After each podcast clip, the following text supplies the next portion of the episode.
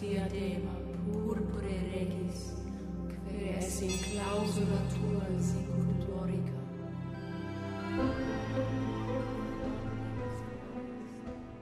Reformationen fik betydning for mange ting.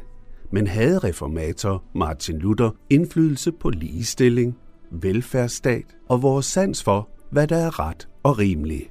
Det vil vi her i udsendelsen se på. Her følger udsendelsen ligestilling og folkestyre.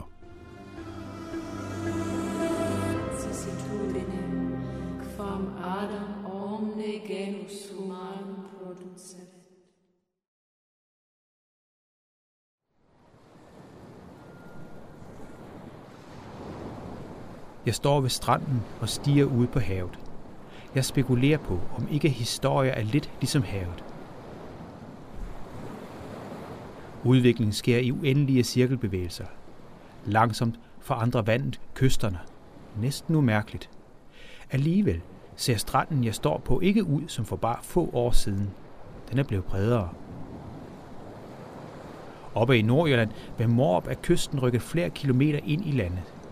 En kirke og mange huse er styrtet i havet. Enkelte begivenheder og historiske personer svarer dog til orkaner og stormfloder. De medfører en voldsom forandring nu og her. Martin Luther. I have a dream that my four little children will one day live in a nation where they will not be judged by the color of their skin, but by the content of their character. I have a dream. Nej, ikke Martin Luther King, men munken, teologen og professoren Martin Luther, som levede i en helt anden tid. År 1517 slog Martin Luther sin udlægning af den rette kristne tro op på muligvis en kirkedør. Det blev begyndelsen på et nyt brud i den kristne kirke. Et brud mellem dem, som fulgte paven og romerkirken, dem vi kalder katolikker, og så dem, der sidenhen kom til at kalde sig for protestanter eller lutheranere. Så meget, så godt. I udsendelsen her går vi på jagt efter munken Martin Luthers indflydelse. Hvad har hans nye religiøse retning betydet for vores liv i dag? Og ikke kun for dem, der er religiøse, men for borgerne i Danmark i almindelighed. Hvis man skal tro en artikel i Dagbladet Politikken den 23. november 2017, så er Luther nærmest opfinderen af den danske velfærdsstat. Den artikel er langt fra den eneste. Andre hævder, at Luthers teologiske idéer førte fra alt fra ligeberettelse til det danske skattesystem. Ifølge en del artikler er der altså ingen tvivl om, at Luther har haft en klokkeklar og afgørende indflydelse på det liv, vi lever i dag. Men hvis vi derimod spørger en forsker om det samme, så er svaret, Ja, uh, ja. som man kan høre her, så er det altså ikke et let spørgsmål. Det er naturligvis urimeligt at ikke lade hende tale ud, men inden vi vender tilbage til forskerens svar, så begynder vi et helt andet sted. Nemlig med et andet spørgsmål til 11-årige Freja. Mener du, at piger skal have lige så meget skulle have sagt som drenge? Ja, Hvorfor? fordi jeg mener, at de er jo alle sammen øh, mennesker, og køn det skulle ikke øh, ændre på, om man har lov til at sige noget eller ej. Men er det sådan? Har alle lige meget skulle have sagt, altså drenge og piger? Det kommer an på, hvor i verden du tager hen. Her i Danmark? Der har vi alle sammen lige meget stemmeret. Ligeberettelse står altså ikke til diskussion. Ikke kun ifølge Freja, men også hvis man kigger på statistiske materialer, f.eks. dem, der findes i Eurostat. I hvert fald ikke i Skandinavien. Netop ligestillingen af kønnene er noget af det, vi i denne udsendelse vil kigge på. Reformationen betød blandt mange ting, at klosterne blev nedlagt. Også nonneklostre, som ellers var en enestående mulighed for kvinder at få sig en karriere. Et af de i middelalderen meget berømte og værdsatte kvinder var Hildegard von Bingen. I et moderne sprog vil man vel sige, at hun gjorde karriere inden for klostervæsenet. Hun skrev blandt andet musikken her. Det var vel næppe godt for kvindernes ligestilling, at nonneklostrene blev lukket. Desuden slog Luther jo også fast, at kvinderne havde deres plads i huset. Det lyder ret kvindeundertrykkende. Her lektor i historie Ph.D. Nina Chavet Kofod fra Aarhus Universitet. Men man kan også vente om at sige, men Fordi Luther sagde, at alt arbejde er lige godt i det jordiske rige, så ligestillede han også husholdets arbejde med alt andet arbejde, og på den måde ligestillede han også det kvindelige arbejdes værdi øh, i forhold til alt andet arbejde. Det her med, at både mænd og kvinder skulle lære at, at læse, det, det stammer vel et eller andet sted også fra Luther? Det gør det i meget høj grad. Luther lagde vægt på, altså fordi han lagde vægt på det personlige gudsforhold, så skulle man jo også kende, så skulle den enkelte også kende Guds ord. Det var ikke nok, at præsten udlagde Guds ord. Man skulle selv kunne læse og tilegne sig Guds ord. Og til det formål udarbejdede han den, det, der hedder Luthers lille katekismus, som var sådan en minimumstandard af, hvad det enkelte menneske skulle vide om den rette tro. Den lille katekismus, den indeholder de ti bud og fader vor og trosbekendelsen, og så en beskrivelse af de to sakramenter i den lutherske kirke, dåben og nadveren, og så det et tillæg, der består af en hustavle, hvor Luther beskrev de pligter, folk havde over for hinanden i samfundet og i husholdet. Kan man sige, at det her med, at kvinderne i Danmark øh, og i Skandinavien generelt, øh, og muligvis også i Nordtyskland, det ved jeg ikke, øh, lærte at læse, også have indflydelse på, at de i sidste ende blev ligestillet? Altså det med, at de fx kunne læse lovtekster osv.? Jamen det kan man formentlig godt, også fordi at altså Luther lagde vægt på, at det var både mænd og kvinder, der skulle kende Guds ord. Det var både piger og drenge, der skulle sendes i skole, og det ser vi også i lovgivningen, at det bliver understreget, at forældre er forpligtet til at sende både piger og drenge i skole. Det betyder ikke, at de fik fuldstændig samme uddannelse, men det betyder, at piger tidligt blev en del af skolesystemet. Øh, og en del af det, man, altså, at det blev opfattet som naturligt at lære piger i hvert fald at læse. Og det var anderledes i ikke-protestantiske lande? Jamen, der var det jo, der var øh, uddannelse i høj grad noget, der var for, eller i højere grad noget, der var forbeholdt eliten, øh, og dermed blev det i højere grad noget, der var forbeholdt elitens drenge, for det var dem, man bekostede uddannelsen på, og det var også ligesom dem, der kunne gå videre i uddannelsessystemet. Det var så om Luther og ligestillingen. En anden ting er påstanden om, at der går en direkte linje fra Luther til velfærdsstaten – Altså det med, at vi betaler skat, og staten så til gengæld sørger for, at vi alle kan leve et nogenlunde normalt liv, uanset om vi er handicappede eller arbejdsløse. Så jeg spørger forskeren følgende.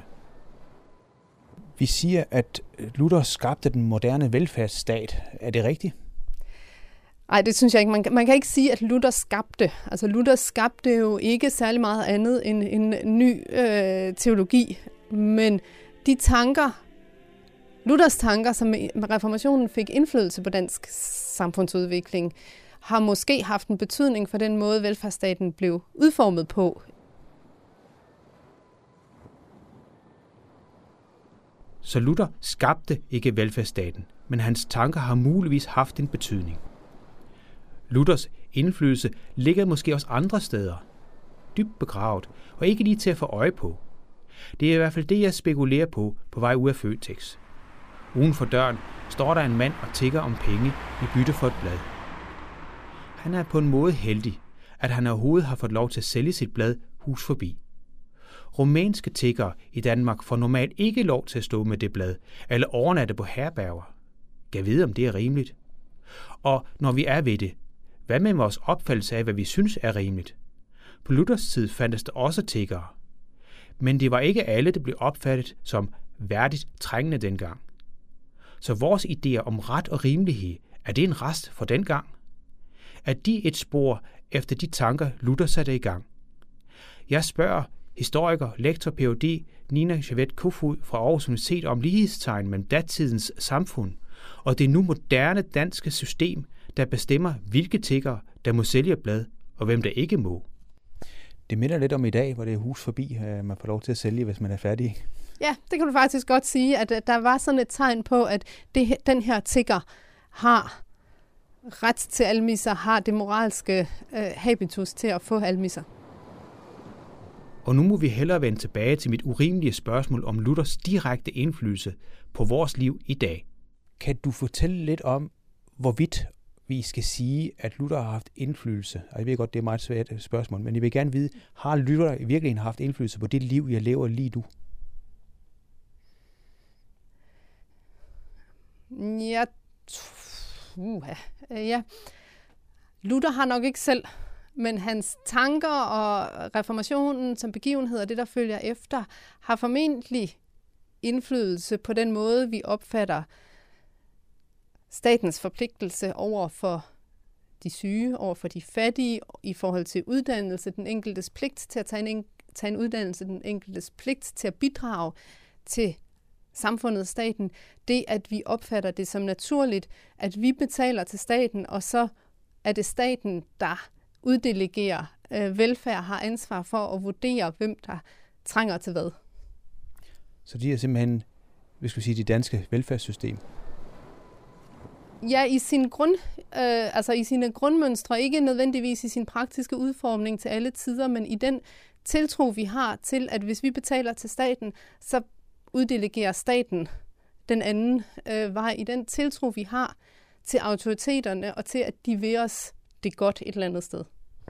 Altså modsat USA, hvor man har en masse af de her indsamlinger til de fattige osv., hvor staten ikke betaler noget til, til, til de fattige.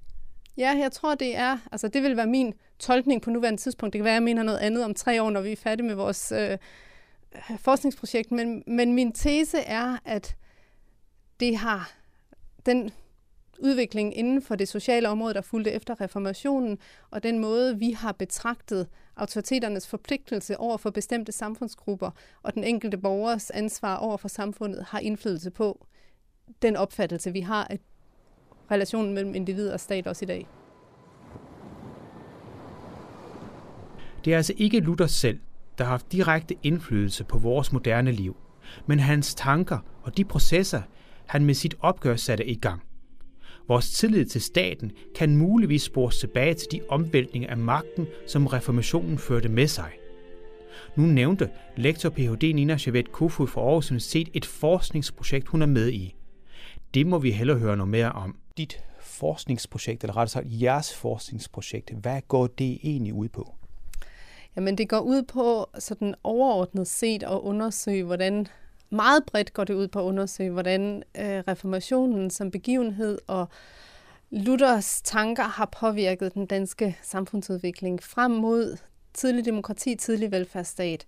Mere specifikt har vi taget udgangspunkt i en central teologisk øh, ændring med reformationen, nemlig det ændrede gudsforhold mellem Gud og mennesket, hvor mennesket bliver rent modtager af Guds nåde, og undersøger, hvordan det ændrer relationerne mellem mennesker. Øh, det her ændrede gudsforhold, altså hvordan var det før, og hvordan blev det? Jamen, øh, ja, øh, det man kan sige, det er, at øh, tidligere i den katolske kirke var der en, en mere form for en gensidig relation mellem Gud og mennesket, fordi at mennesket skulle zone sine synder, gøre aflad og bod løbende for at undgå at komme i helvede eller skærsilden, hvor Luther siger, at mennesket kan kun blive frelst gennem troen. Frelsen er noget, man modtager af Gud, øh, som man ikke kan gøre fra eller til andet end ved at tro. Så man er nødt til at tro på Guds nåde for at få den. Man kan ikke ens gerninger på jorden har ikke indflydelse på, om man bliver frelst eller ej. Dermed ikke sagt, at Luther så satte mennesket frit øh, for at gøre gode gerninger. Tværtimod sagde han også, at når mennesket er frelst gennem troen, bliver det sat frit til at gøre gode gerninger. Så Luther lagde meget vægt på næstekærligheden som det, der ligesom viste, at du var et kristen frelst menneske, så du skulle gøre gode gerninger mod næsten i dit jordiske liv. Næstekærlighed, øh, hvad betyder det reelt? Altså, hvordan, hvordan er man næstekærlig under Luther? Jamen, altså, det grunder sig jo i reglen om, at du skal gøre mod andre, som du vil, at de skal gøre mod dig. Det bliver sådan en, det bliver sådan en livsregel. Luther tolker det meget koblet til de 10 bud, og siger, at de 10 bud er ikke kun forbud mod bestemte handlinger, det er også handlingsanvisninger i forhold til, hvordan du skal leve sammen med næsten. Så det vil sige, at det sjette bud for eksempel, du må ikke bedrive hår, bliver også bliver både et forbud mod alle former for usædelighed uden for ægteskab, men det bliver også et påbud om at leve et godt og kærligt liv sammen med din ægtefælle. Det bliver et påbud om at leve et godt kristent liv sammen med den ægtefælle, Gud nu har valgt til dig. Så det bliver også handlings, positivt handlingsanvisende.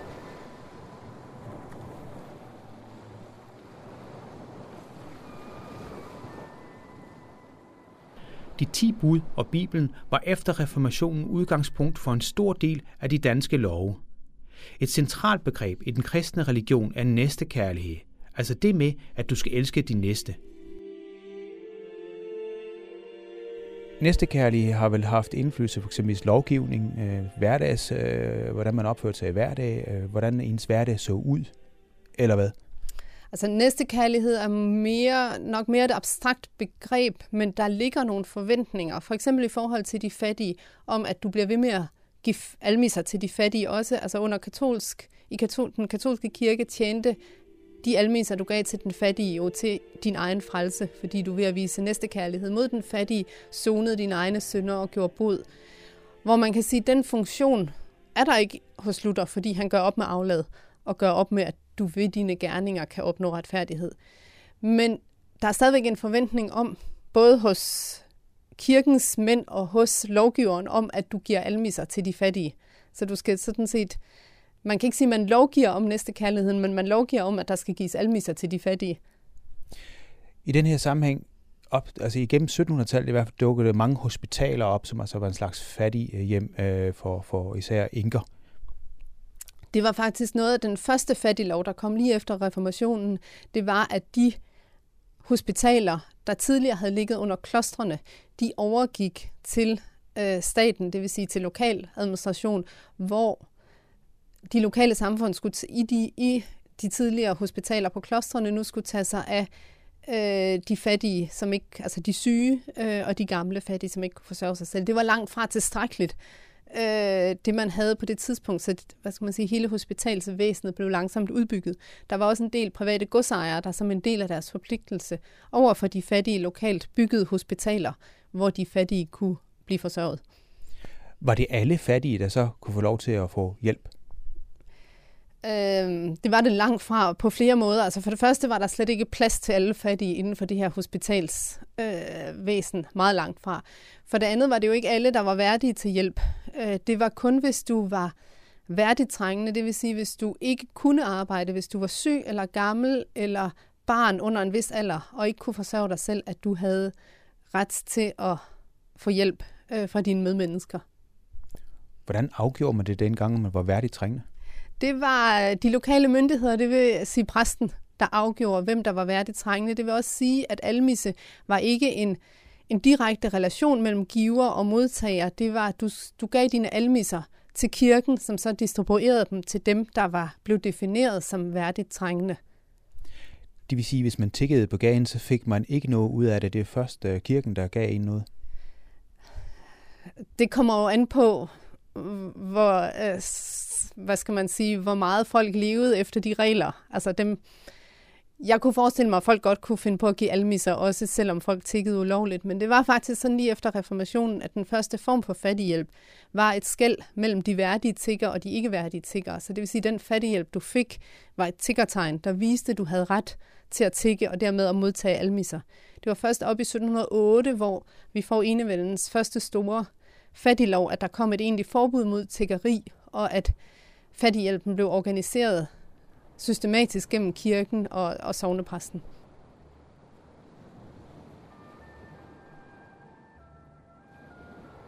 Så tiggeri var dengang forbudt. Det er det faktisk også i dag. Det er derfor, der uden for mange supermarkeder står mere eller mindre forhudlede mennesker, der forsøger at sælge et blad i stedet for at tigge. Det får mig til at spørge lektor Ph.D. Nina Søvet Kofod fra Aarhus Universitet. Så vi ikke flytter os så meget endnu fra den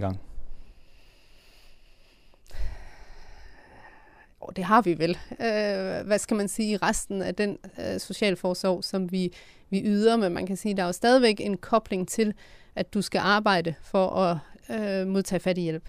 Men det kan man sige, det blev så den anden del af det, at dem, der søgte, dem, der tikkede eller søgte almisser uden at have ret til det, de blev i løbet af 1600-tallet i stigende grad brugt til tvangsarbejde og øh, tvunget ind i forskellige arbejdsanstaltssammenhænge, så man kunne sige, at dem, der søgte hjælp, man kunne arbejde, tvang man til at arbejde. Det gør vi vel i en eller anden forstand stadigvæk.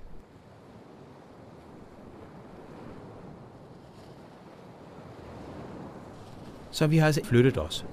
Vores samfund er markant anderledes. På den anden side, så kan mange af de opfattelser og tanker, vi har i dag, spores tilbage til dengang. Men det får mig til at vende tilbage til ligeberettelsen. Hvordan kan vi så sige i dag, at, øh, at den her ligestilling og ligeberettelse, som kvinderne oplever i Danmark øh, og i mange andre skandinaviske lande i hvert fald, øh, har været under indflydelse af Luther? Det er jo svært at sige præcis, hvad, hvor i indflydelsen fra de lutherske tanker har bestået, men noget af det, man lægger vægt på, som leder frem mod demokrati og ligestilling i Danmark, har været de gudelige vækkelser i starten af det 19. århundrede, hvor, hvor man fik en, især på landet, fik store bevægelser, der tog, der tog afstand fra statskirken og lavede en, hvad skal man sige, en inderliggørelse, en personliggørelse af troen, men på et meget sådan, traditionelt luthersk øh, fundament, men med en, en liges, altså hvor både mænd og kvinder og både gårdmænd og husmænd kunne være med, så også, hvad skal man sige, en, en form for ligestilling i det religiøse. Og der er det jo så tankevækkende, at det sted, hvor kvinder først får stemmeret i Danmark, er i forhold til menighedsrådene, hvor man betragtede det som helt naturligt at give dem stemmeret, fordi de var en del af menigheden. Så vi siger, måske er det her menighedsråd, hvor det var naturligt at have kvinder med det første spadestik til, at kvinderne fik valgret?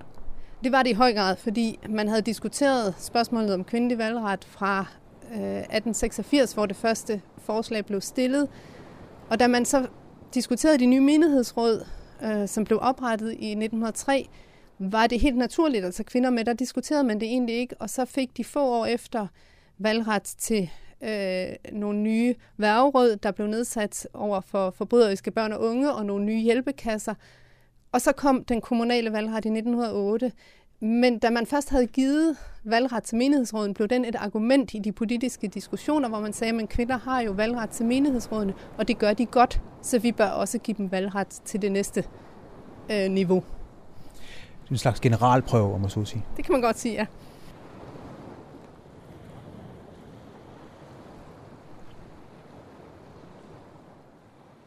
Så sat på spidsen. Luther har ikke selv som person haft indflydelse på hverken vores velfærdsstat eller ligestilling. Men de tanker, han satte i gang, og de forandringer, de førte med sig, har haft en vis indflydelse på det samfund, vi kender i dag. Fra skattebetalte hospitaler og bistandshjælpen til, at vi i dag opfatter kvinder og mænd som ligeværdige. Tanker er som havet og bølger, hele tiden under forandring. Den ene bølge trækker den næste med sig, og langsomt forandrer de kysterne, vi kender.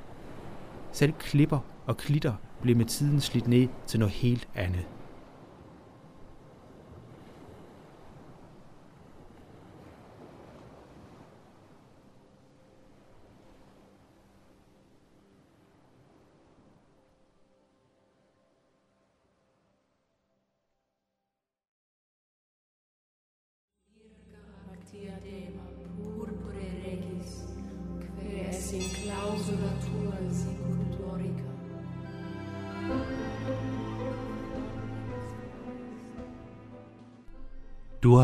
Udsendelsen Ligestilling og Folkestyre.